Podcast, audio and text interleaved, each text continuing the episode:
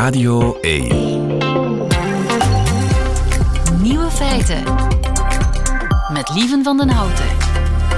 Dag en welkom bij de podcast van Nieuwe Feiten van 18 november 2022. In het nieuws vandaag dat Mariah Carey niet officieel de koningin van kerstmis is. Ondanks deze klassieker.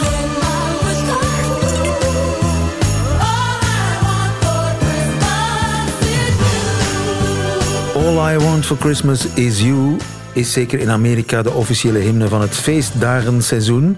En daarom wilde Mariah Carey zichzelf uitroepen tot de officiële Queen of Christmas. Ze diende vorig jaar een aanvraag in om die titel te laten beschermen, maar haar aanvraag werd afgewezen omdat een andere zangeres verzet had aangediend. Elizabeth Chan heet die. En die brengt al jarenlang alleen maar kerstmuziek uit. Zij werpt zich nu op als de beschermer van een feest dat volgens haar van iedereen is. Zij wil kerst redden voor de komende generaties, zegt ze. En het Amerikaanse patentenbureau geeft haar nu gelijk. Iedereen mag zich Queen of Christmas uitroepen. Ik denk erover na. De andere nieuwe feiten vandaag. Lange wachtlijsten in Nederland voor de HIV-preventiepil PrEP. Hoe zit dat eigenlijk bij ons? Baby's die met een keizersnede ter wereld komen, reageren minder goed op vaccins. Annelies Bontjes, Nederlandse journaliste in Brussel, verbaast zich over hoe normaal overdag drinken is bij ons. En welk nieuw waanzinnig ding Volkswagen op de markt heeft gebracht. Dat leert u in de vrijdagquiz. De nieuwe feiten van Nico Dijkshoorn die hoort u in zijn middagjournaal. Veel plezier. Radio. Radio 1. Nieuwe feiten. De PrEP-pil die is in Nederland zo populair geworden dat ze daar de vraag niet meer aan kunnen. Linos van de Kerkhoven, goedemiddag. Goedemiddag. Linos van het HIV-referentiecentrum in het UZ in Gent.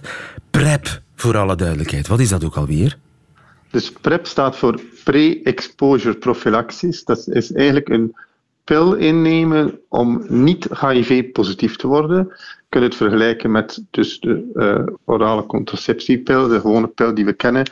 Wat een pil innemen is om niet zwanger te worden. Hier hebben we een pil innemen om niet HIV-positief te worden. En dit wordt vooral gebruikt bij bij personen waarvan dat we weten dat ze hoog risico lopen om seropositief te worden. Ja, en dat zijn dan bijvoorbeeld uh, mannen die seks hebben met mannen, meerdere mannen, diverse mannen, uh, wisselende contacten, uh, jonge, jonge mensen, zeg maar, zonder vaste relatie die vrolijk van het leven genieten, bijvoorbeeld. Ja, absoluut. absoluut. Er zijn wel voorwaarden, maar je hebt er al heel wat opgenomen. En in de praktijk zijn het vooral inderdaad homo- of transseksuele mannen die um, seks hebben met mannen on, onbeschermd.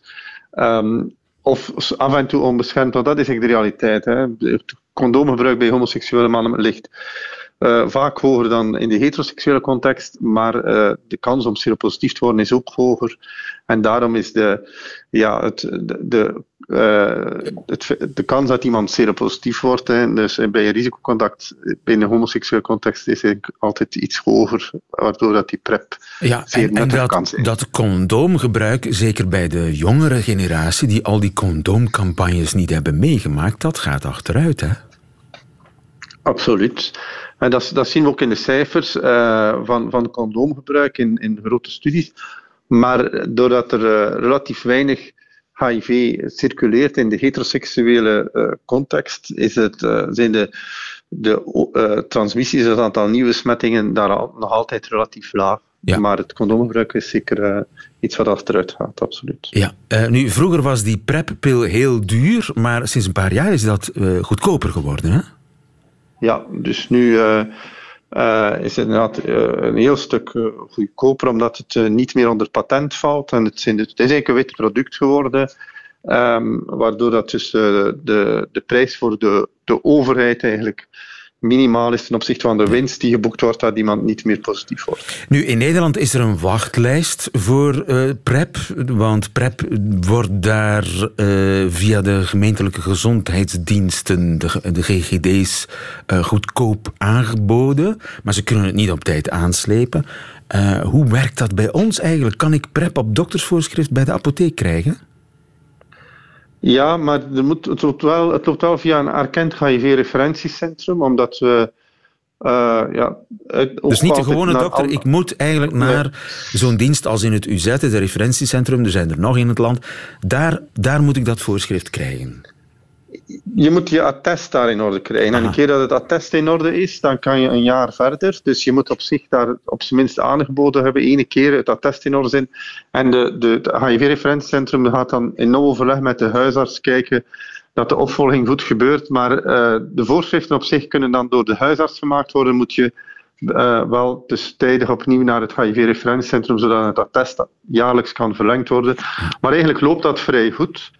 Veel uh, mensen volgen... vinden de weg naar, naar u? Ja, absoluut. Wij volgen meer dan 700, uh, eh, volgens de, de, de, de, cijfers van een aantal maanden geleden, zullen er misschien nu nog meer zijn. We hebben relatief korte wachttijden, maar er zijn wel overal wel wat wachttijden, maar we proberen die te beperken.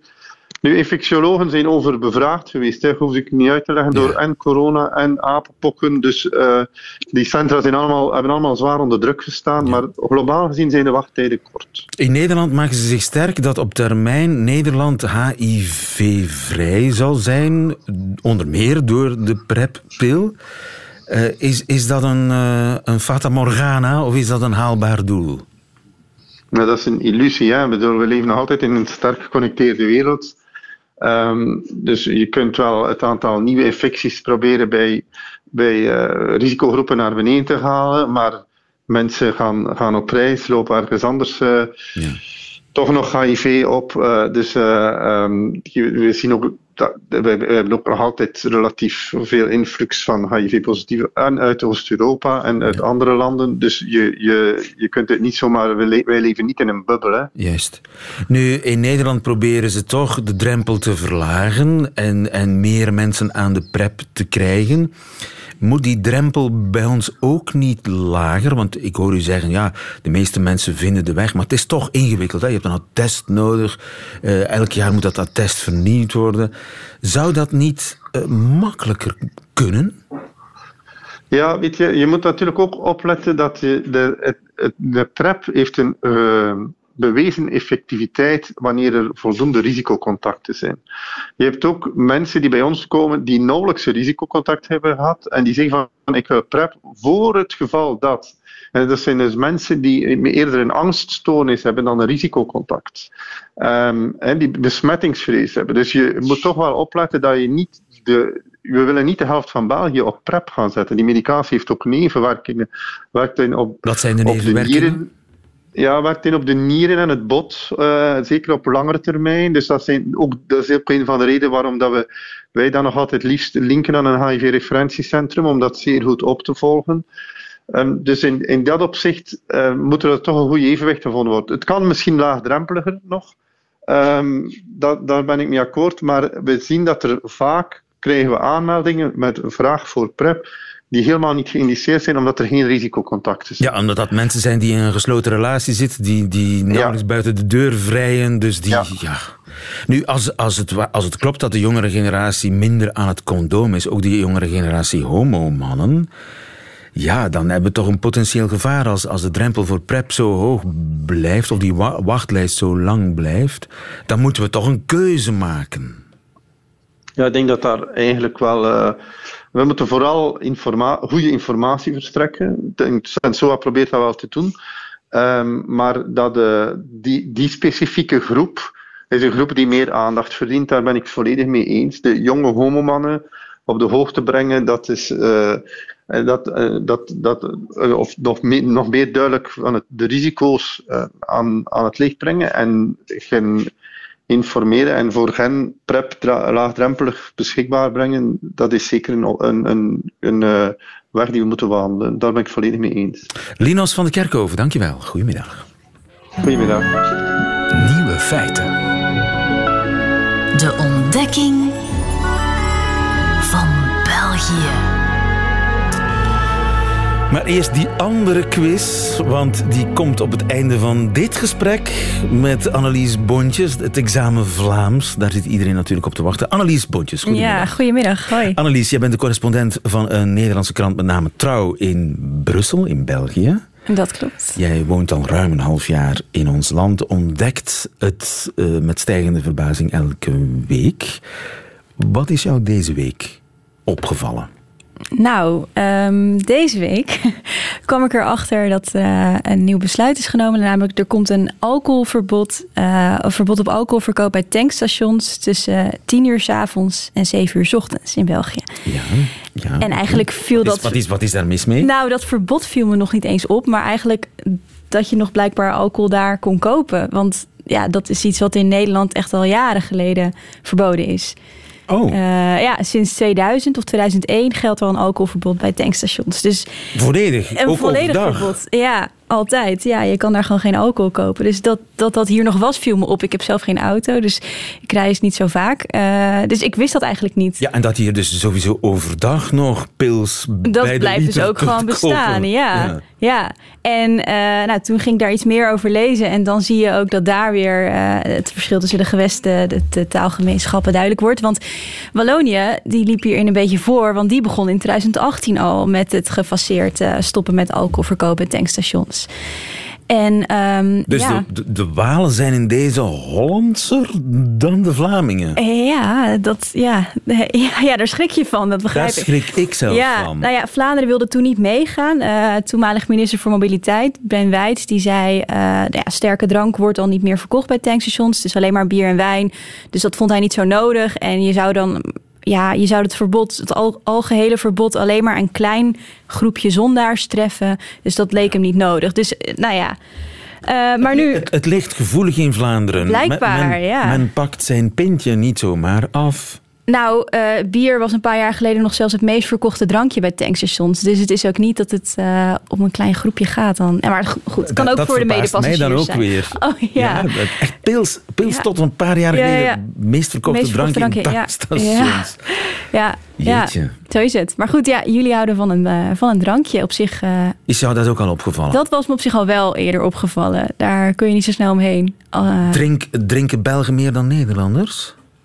Nou, um, ik denk sowieso dat jullie misschien iets eerder op de dag beginnen. Als ik s ochtends in de rij sta voor een croissantje bij de bakker, dan is een, bij het café daarnaast wordt dan al ja, bier gedronken. Ik woon vlakbij het, het Vossenplein in Brussel. Misschien ken je dat. Het is een plein met heel veel cafés die daaraan grenzen. Uh, waarbij er eentje bekend staat om het serveren van pasties. Uh, nou, daar beginnen mensen ook al redelijk vroeg mee. Toch om een uurtje of tien of elf staat dat al op de terrastafels. Zie je Dus, nooit uh, in Nederland? Dat had ik nog niet in Nederland gezien. Echt nee, niet? Nee, nee. Da- da- Daar is echt, en wanneer, vanaf wanneer mag het dan in Nederland? Nou ja, hier wordt bijvoorbeeld het ook natuurlijk vaak geluncht dan al met een wijntje erbij en zo. Dat, dat zie je in Nederland ook nog wat minder vaak. Ja, gewoon aan het eind van de werkdag. eh. Vanaf vijf uur. Ja, ja, borreltijd. Vijf Borreltijd. uur. Maar Ja. dan wordt er ook stevig geborreld. Eh, nou, ik denk dus, ja, want jij vraagt drinken we, drinken we meer in België? Ik denk dus dat ze in België misschien eerder beginnen, maar dat we het in Nederland wel inhalen omdat eh, het tempo gewoon wat hoger ligt dan. Ja. Ehm, maar bijvoorbeeld hier bij persevenementen wordt ook altijd alcohol geschonken. En als je dus een persevenement hebt wat wat vroeger is, dan heb je vaak de keuze uit koffie, thee of cava. dus dan de alcoholvrije optie. Of de, ja, nou ja, best apart. En eh, nou ja, in aanloop naar het WK is het natuurlijk toch gewoon een probleem eigenlijk. Ehm, want ja, zeker. Ik las eh, namelijk een onderzoek waaruit blijkt dat ehm, nou ja, bij WK-wedstrijden gaat iedereen bij elkaar natuurlijk thuis die wedstrijd kijken, voetbal kijken. En dan drink je natuurlijk wel iets. Uh, maar dat mensen toch ook met alcohol op toch wel weer achter het stuur stappen. En um, in 73% van de gevallen uh, haalt dan de gastheer of gastvrouw geen alcoholvrije bieropties in huis, ook überhaupt. En als iemand dan te veel gedronken heeft, dan aarzelen Belgen blijkbaar ook nogal om te zeggen van blijf maar slapen. Dus ja, dat is toch wel echt. Ook dat in Nederland is anders. Nou, ik heb wel het idee dat dat, dat bij ons wat meer een thema is wat besproken wordt en zo. Ja, ja ik vind dat toch wel. Ja. De, de tolerantie uh, tegenover mensen die alcohol drinken vroeg op de dag, of als ze nog achter het stuur Of als ze nog achter het stuur moeten kruipen. Ja, ja, zeker. Dat is wel anders. Ja. ja.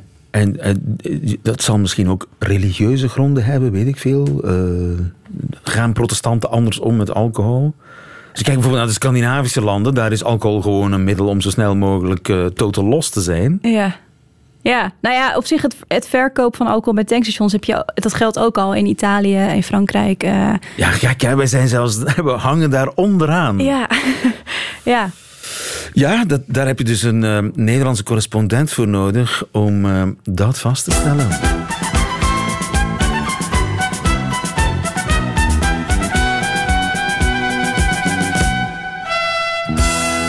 Examen Vlaams.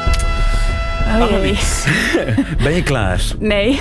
Wat is op de lappen gaan? Uh, op de lappen gaan. Nou, uh, misschien wel heel dronken worden, of niet? Kan het resultaat zijn daarvan? Oké. Okay. Um, nou, dat is dan dus. Uh, zeg het, zeg het. Ja, ja, bier drinken gewoon. Ja, nee, dronken. Ja, resultaat. Ja. ja, half puntje. Doorzakken, gewoon flink doorzakken. Ja. Avondje flink doorzakken. We ah, gaan ja, op de, okay. we, we gaan op de lappen. Drinken. Kom, we gaan op de lappen. Ja, ah, ja. bier of wijn, maakt niet uit. Okay. Gewoon uh, doorzakken, okay. zeg maar. Op de lappen. Ja, schuimwijn. Nou, is dat dan cava?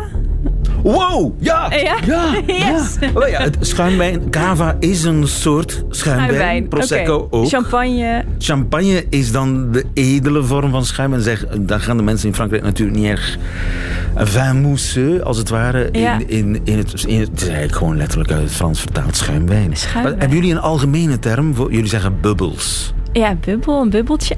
Bubbels zeggen wij ook, maar ik vind het lelijk. Schuimwijn is een beetje... Schuimwijn, ja. Ja. Klinkt wel iets harder, of niet? Een, Nou, een wijn die schuimt. En champagne is natuurlijk een aparte categorie. Ja, Net als cava of prosecco of zo, maar uh, schuimwijn. Schuimwijn. Het gaat niet slecht, het gaat niet slecht. oké. Wat is een kool? En kool. Een Eh, kool? is dat iets wat je kan bestellen? Of, eh, Doe mij een kool? Nee, oké. Nee. Daar staat geen kool op. Wat is dit nu voor drankje? Zonder kool. oh, geen schuim. Laag. Bi- bier, bier. Dood, dood, doodgeslagen bier. ja, ja. Een kool? Een kool? Een kool is een kraag. Ah, ja, ja. Geen schuimkraag op het bier. Ja. Ah, ja, ja. Het is Kool is dood. gewoon een ja. kraag. Oké. Er, zit iets, er zit iets op je kool. Dat is... dat is Nou, eentje doen. ja. Oké, doen. oké. Tournee Générale. Een tournee generaal. Ehm, een, eh, een kroegentocht. Het wordt een dure kroegentocht als je in elke kroeg een tournee generaal geeft. Oh, een, ro- een rondje geven. Een rondje Een geven rondje. voor een generaal voor, generaal voor het voor hele iedereen. café. Oké, oké, ja, ja. Dus als België een punt scoort met het WK, dan tournee generaal. Als iemand dat roept, dan Ja. trakteert hij het hele café. Oké, oké. Volgens mij kun je met opgeheven hoofd naar huis. Dankjewel. Annelies, tot volgende week. Nieuwe feiten. Baby's die met een keizersnede ter wereld komen, die reageren minder goed op vaccins dan baby's die de natuurlijke weg volgen. Blijkt uit onderzoek van dokter De Kof. Goedemiddag, dokter. Goedemiddag. Emma De Kof van eh, het Universitair Ziekenhuis van Amsterdam. Is daar een verklaring voor? Ja, zeker. Ons werk heeft inderdaad laten zien dat eh, in een groep van 120 baby's, de kinderen die met een keizersnede ter wereld waren gekomen, ietsje minder hoge antistofrespons hadden op bepaalde vaccinaties dan de kinderen die inderdaad de natuurlijke weg hadden gevolgd.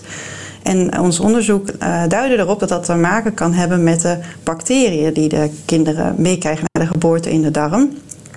Uh, dat werkt zo, als je op de natuurlijke weg geboren wordt, word je als baby blootgesteld aan alle bacteriën die zich in het geboortekanaal bevinden en ook darmbacteriën van je moeder.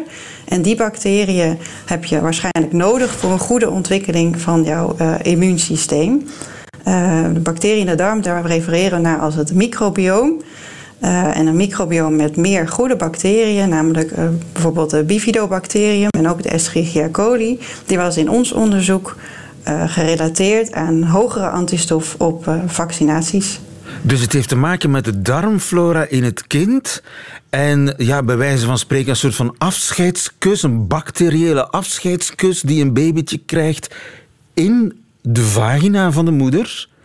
Die, die paar, ja, wat is het? Hoe, hoe, lang zit, ja, hoe lang doet een baby erover? Dat hangt er vanaf natuurlijk. Maar dat, dat kan kennelijk vrij snel gaan. Ja, dat, dat verschilt inderdaad heel erg hoe lang een kind daarover doet. En ik denk niet dat dat uh, heel erg van belang is. Maar inderdaad, tijdens de geboorte krijg je allerlei uh, bacteriën mee van je moeder. Uh, die nestelen zich als het ware in die darm en die vormen daar een, een, ja, een, eigen gemeenschap als het ware. En die doen daar heel belangrijk werk voor de gezondheid van zo'n baby en ook voor ons als volwassenen eigenlijk. Dus een deel van ons afweersysteem zit in onze darmen? Zeker, ja. In de darmen is er nauw contact tussen de flora in de darm uh, en het immuunsysteem. En wij denken dat dat heel belangrijk is voor, de, voor een goede, gezonde ontwikkeling van het immuunsysteem. En vandaar dat als je een vaccin toepast op, op een kind, dan zie je het verschil tussen keizersneekinderen en ja, normaal geboren of natuurlijk geboren kinderen. Ja, ja, dat hebben wij nu gevonden als ware een, een voorbeeld van, uh, van de, de immuunsysteemontwikkeling. Uh, en wij zien inderdaad variatie in antistofrespons, dus verschillen in hoe hoog die antistofrespons is na vaccinatie. Als je wel of niet blootgesteld bent aan die goede bacteriën, juist in de allereerste weken van het leven. En dat is levenslang. Dat verschil is uh, of dat kind nu vijf is, of tien, of twaalf, of volwassen, dat, is, dat blijft zo. Dat is een, een, hele goede vraag. Dat uh, zouden we zeker heel graag verder willen onderzoeken. We weten bijvoorbeeld inderdaad dat uh, kinderen die geboren zijn met een keizersnede ook een ietsje hoger risico hebben op bijvoorbeeld allergieën, op astma. En ook dat zijn ziektes die veroorzaakt worden door een immuunsysteem wat niet helemaal niet optimaal functioneert, wat eigenlijk te hard reageert op bepaalde allergenen. en wij zijn benieuwd of ook dat zou kunnen komen door, um, doordat het, de manier waarop je geboren werd, wordt zo'n uh, zijn afdruk uh, achterlaat in het microbiome in de darm, in die darmbacteriën. En of doordat de, het immuunsysteem in de, juist in de vroege levensfase uh, bepaalde cues mist. Ja. of dat uiteindelijk zou kunnen leiden tot een verhoogd risico op astma. En er zijn andere studies die dat ook wel al laten zien. Dus okay. dat gaan we in de toekomst meer over leren. En dat, zijn dat minimale verschillen of vrij aanzienlijke verschillen? Uh, het is een klein verhoogd risico op dat soort aandoeningen ja. bij uh, keizersnede Dus geen reden ja. tot paniek in elk geval. Maar kun je daar nu iets aan doen? Kun je die keizersneebaby's alsnog ja, die, die bacteriële behandeling geven die andere kinderen krijgen bij de geboorte? Ja, dat zou heel leuk zijn inderdaad, om, als dat in de toekomst zou kunnen. natuurlijk, uh, een keizersnede is vaak, wordt vaak gedaan uit medische noodzaak. Dus heb je geen keuze, dat, dat, dat, gebeurt gewoon. En er zijn wel studies die inderdaad kijken naar... kunnen we nou die bacteriële flora aan het begin van het leven um, weer herstellen? Kunnen we die vergelijkbaar maken met de kinderen die vaginaal geboren worden? Bijvoorbeeld door uh, baby's in te smeren na de geboorte met wat vaginaal vocht. Dat is onderzocht. En wat nu ook onderzocht wordt, is of je een, een zogenaamde transplantatie van ontlasting van de moeder zou kunnen doen. Uh, dus om uh, de echte bacteriën van de moeder zelf, waar het kind ook aan blootgesteld zou zijn als hij via de natuurlijke weg geboren was. Uh, om die echt weer terug te geven okay. aan dat kind en zo heel dicht bij de natuur te blijven. En daar, daar wordt al mee geëxperimenteerd? Daar wordt mee geëxperimenteerd en dat, dat klinkt uh, klinkt misschien een beetje spannend, maar tot nu toe lijkt dat uh, veilig te zijn. Dat is natuurlijk een van de belangrijke dingen. En de toekomst zal moeten uitwijzen of dat ook daadwerkelijk leidt tot een betere gezondheid. Helder. Emma de Kof, dankjewel. Goedemiddag. Dank u wel. Goedemiddag.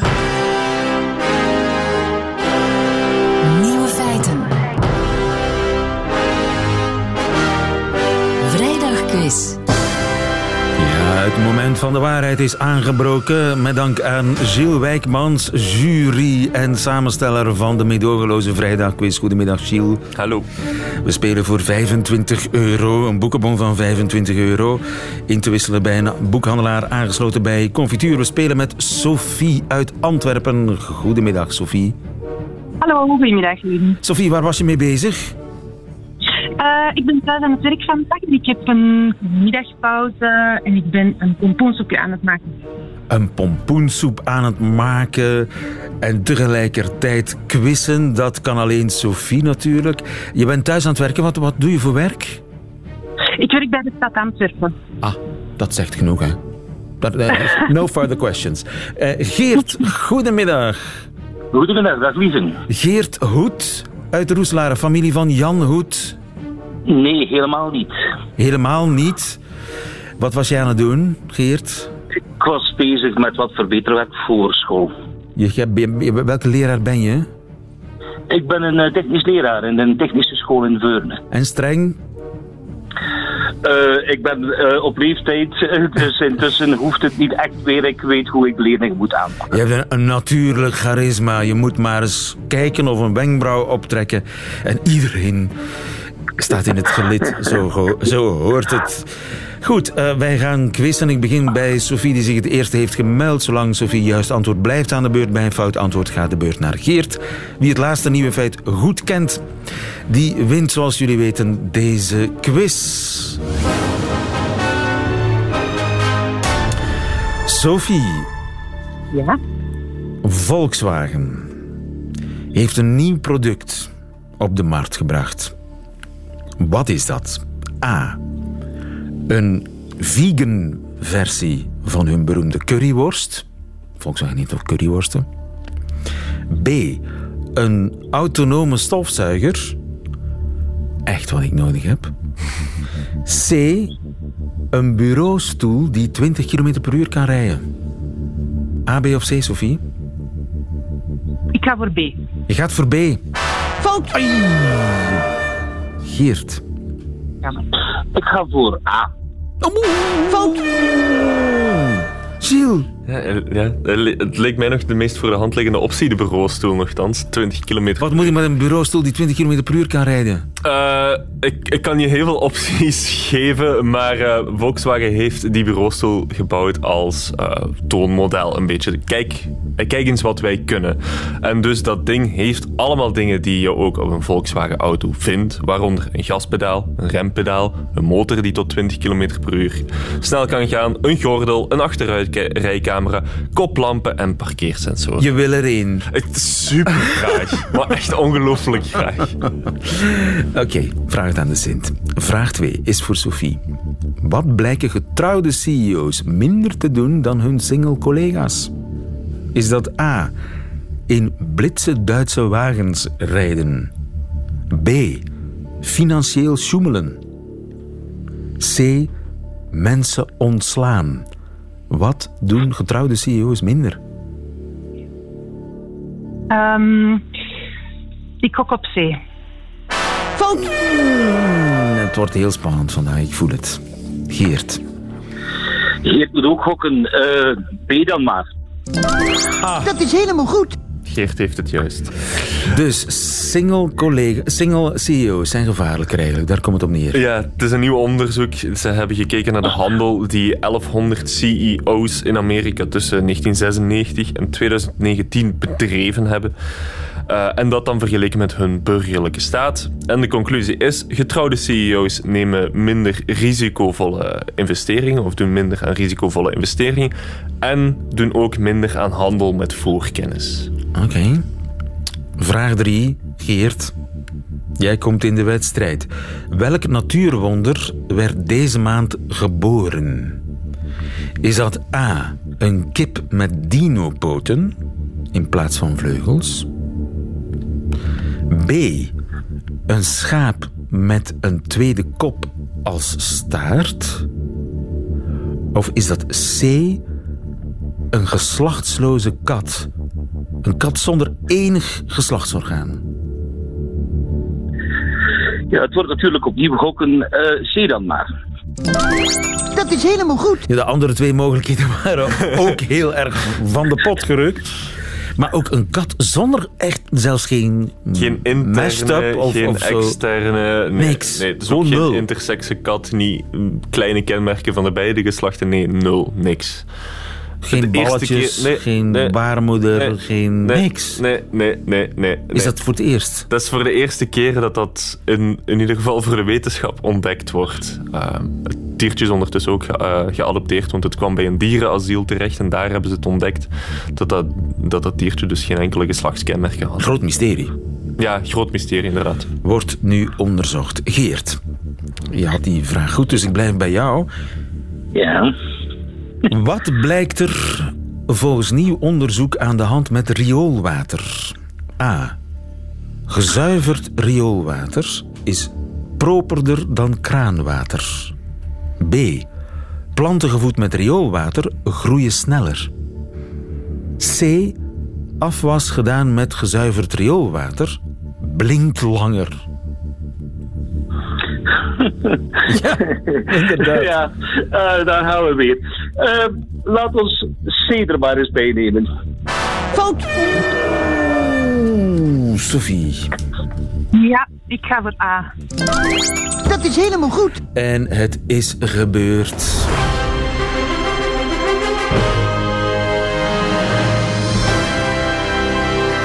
Het was een hele spannende quiz. Gelijk ging hij op tussen de twee kandidaten. Maar uiteindelijk eh, loopt Sophie Scholiers met de boekenbon weg. Gefeliciteerd, Sophie. Dankjewel. En jammer, maar helaas, Geertje zal toch niet extra snel gaan verbeteren hè, nu? Of extra streng. Nee, Extra zal, streng. dat al zeker niet. Eh, gewoon correct verbeteren, denk ik. Ik wens je daar heel veel eh, succes mee. Gezuiverd rioolwater is properder dan kraanwater, Gilles. Dat ontdekten Amerikaanse onderzoekers, ja. En ze zeiden, ze kwamen eigenlijk tot de conclusie omdat rivieren misschien heel proper en, en fris en helder lijken, maar sowieso zal er ergens stroomopwaarts wel vervuild worden, zeggen ze. Dus gezuiverd rioolwater, een stuk properder. Het is gezuiverd, dus is het proper. Vallen. Sophie, weet je al welk boek je gaat kopen voor je 25 euro bon? Oh, nee, daar heb ik nog niet de tijd gehad om daar echt over na te denken. Maar keuze genoeg, een lange lijst. In welke genre wordt het? Wordt het een crimi? Wordt het eh, een kookboek? Wordt het een, eh, een roman? Hmm, ja, ik denk misschien een roman. Ik lees de laatste tijd nogal wel non-fictie, dus misschien tijd voor een roman. Ja. Liefst een historische roman. Prima plan, Sophie Scholiers. Dankjewel, nogmaals gefeliciteerd. Nieuwe feiten. Radio 1. En voilà, dat waren ze, de nieuwe feiten van 18 november 2022. Alleen nog die van Nico Dijkshoorn, die krijgt u nu in zijn middagjournaal. Nieuwe feiten. Middagjournaal. Beste luisteraars, ik ga het maar gewoon een keer zeggen. Het moet er maar een keer uit. Ik wil hier niet langer de schone schijn ophouden. Eerlijkheid, daar gaat het uiteindelijk om. Te lang heb ik u voorgelogen en te lang heb ik u in de waan gelaten. Dat er een modern mens tegen u spreekt. En dat moet nu maar eens een keer over zijn. Ik wil vandaag in dit middagjournaal alle leugens uit mijn eigen handen slaan. Daar gaan we. Ik kan niet roer bakken. Ik gebruik de verkeerde pan met een te dikke bodem. De vlam onder mijn pan is niet groot genoeg en ik roerbak veel te lang. Ik moet daar gewoon eerlijk over zijn. Als je vlees na drie kwartier roerbakken er nog steeds uitziet alsof het gekookt is in yoghurt, dan ben je gewoon een heel armzalig roerbakkertje. Het spijt mij erg dat ik hier jaren heb gedaan alsof ik kan roerbakken als iemand uit Zuid-China. En dat is niet alles. Ik heb hier meerdere malen gesuggereerd dat ik mijn afstandsbediening begrijp en dat ik moeiteloos van streamingdienst naar streamingdienst druk. Luisteraars, dat is niet waar. Gisteravond heb ik bijna drie uur lang naar Amerikaanse worstelen zitten kijken, terwijl ik eigenlijk van biljarten houd. Ik durfde geen knopje meer aan te raken. Zoals in de film The Fly, waarin een man langzaam in een vlieg verandert, verander ik blijkbaar langzaam in mijn moeder. En dan nog iets, luisteraars. Ik heb bijna geen haar op mijn hoofd. Als ik in het verleden heb gedaan alsof ik haar tot op mijn kont heb, en als ik hier meerdere keren het verhaal heb verteld dat mijn bijnaam Nico de Long-Haired Horse is, dan spijt mij dat. Ik wilde zo graag dat u van mij hield. En ik denk dat dat het is, luisteraars. Ik heb ook nooit met dolfijnen gezwommen en ballonvaart is niet mijn hobby. Ik zit thuis op de bank, doodsbang voor iedereen die aanbelt. Ik wil dat alles altijd hetzelfde blijft en dat iedereen blijft leven in plaats van doodgaat. Luisteraars, ik hoop dat u mij niets kwalijk neemt. Er zijn maar een paar dingen echt waar. Ik heb een keuken. Ik woon in Leiden. Ik heb een vriendin en zij heet Tanja. Meer heeft een mens niet nodig.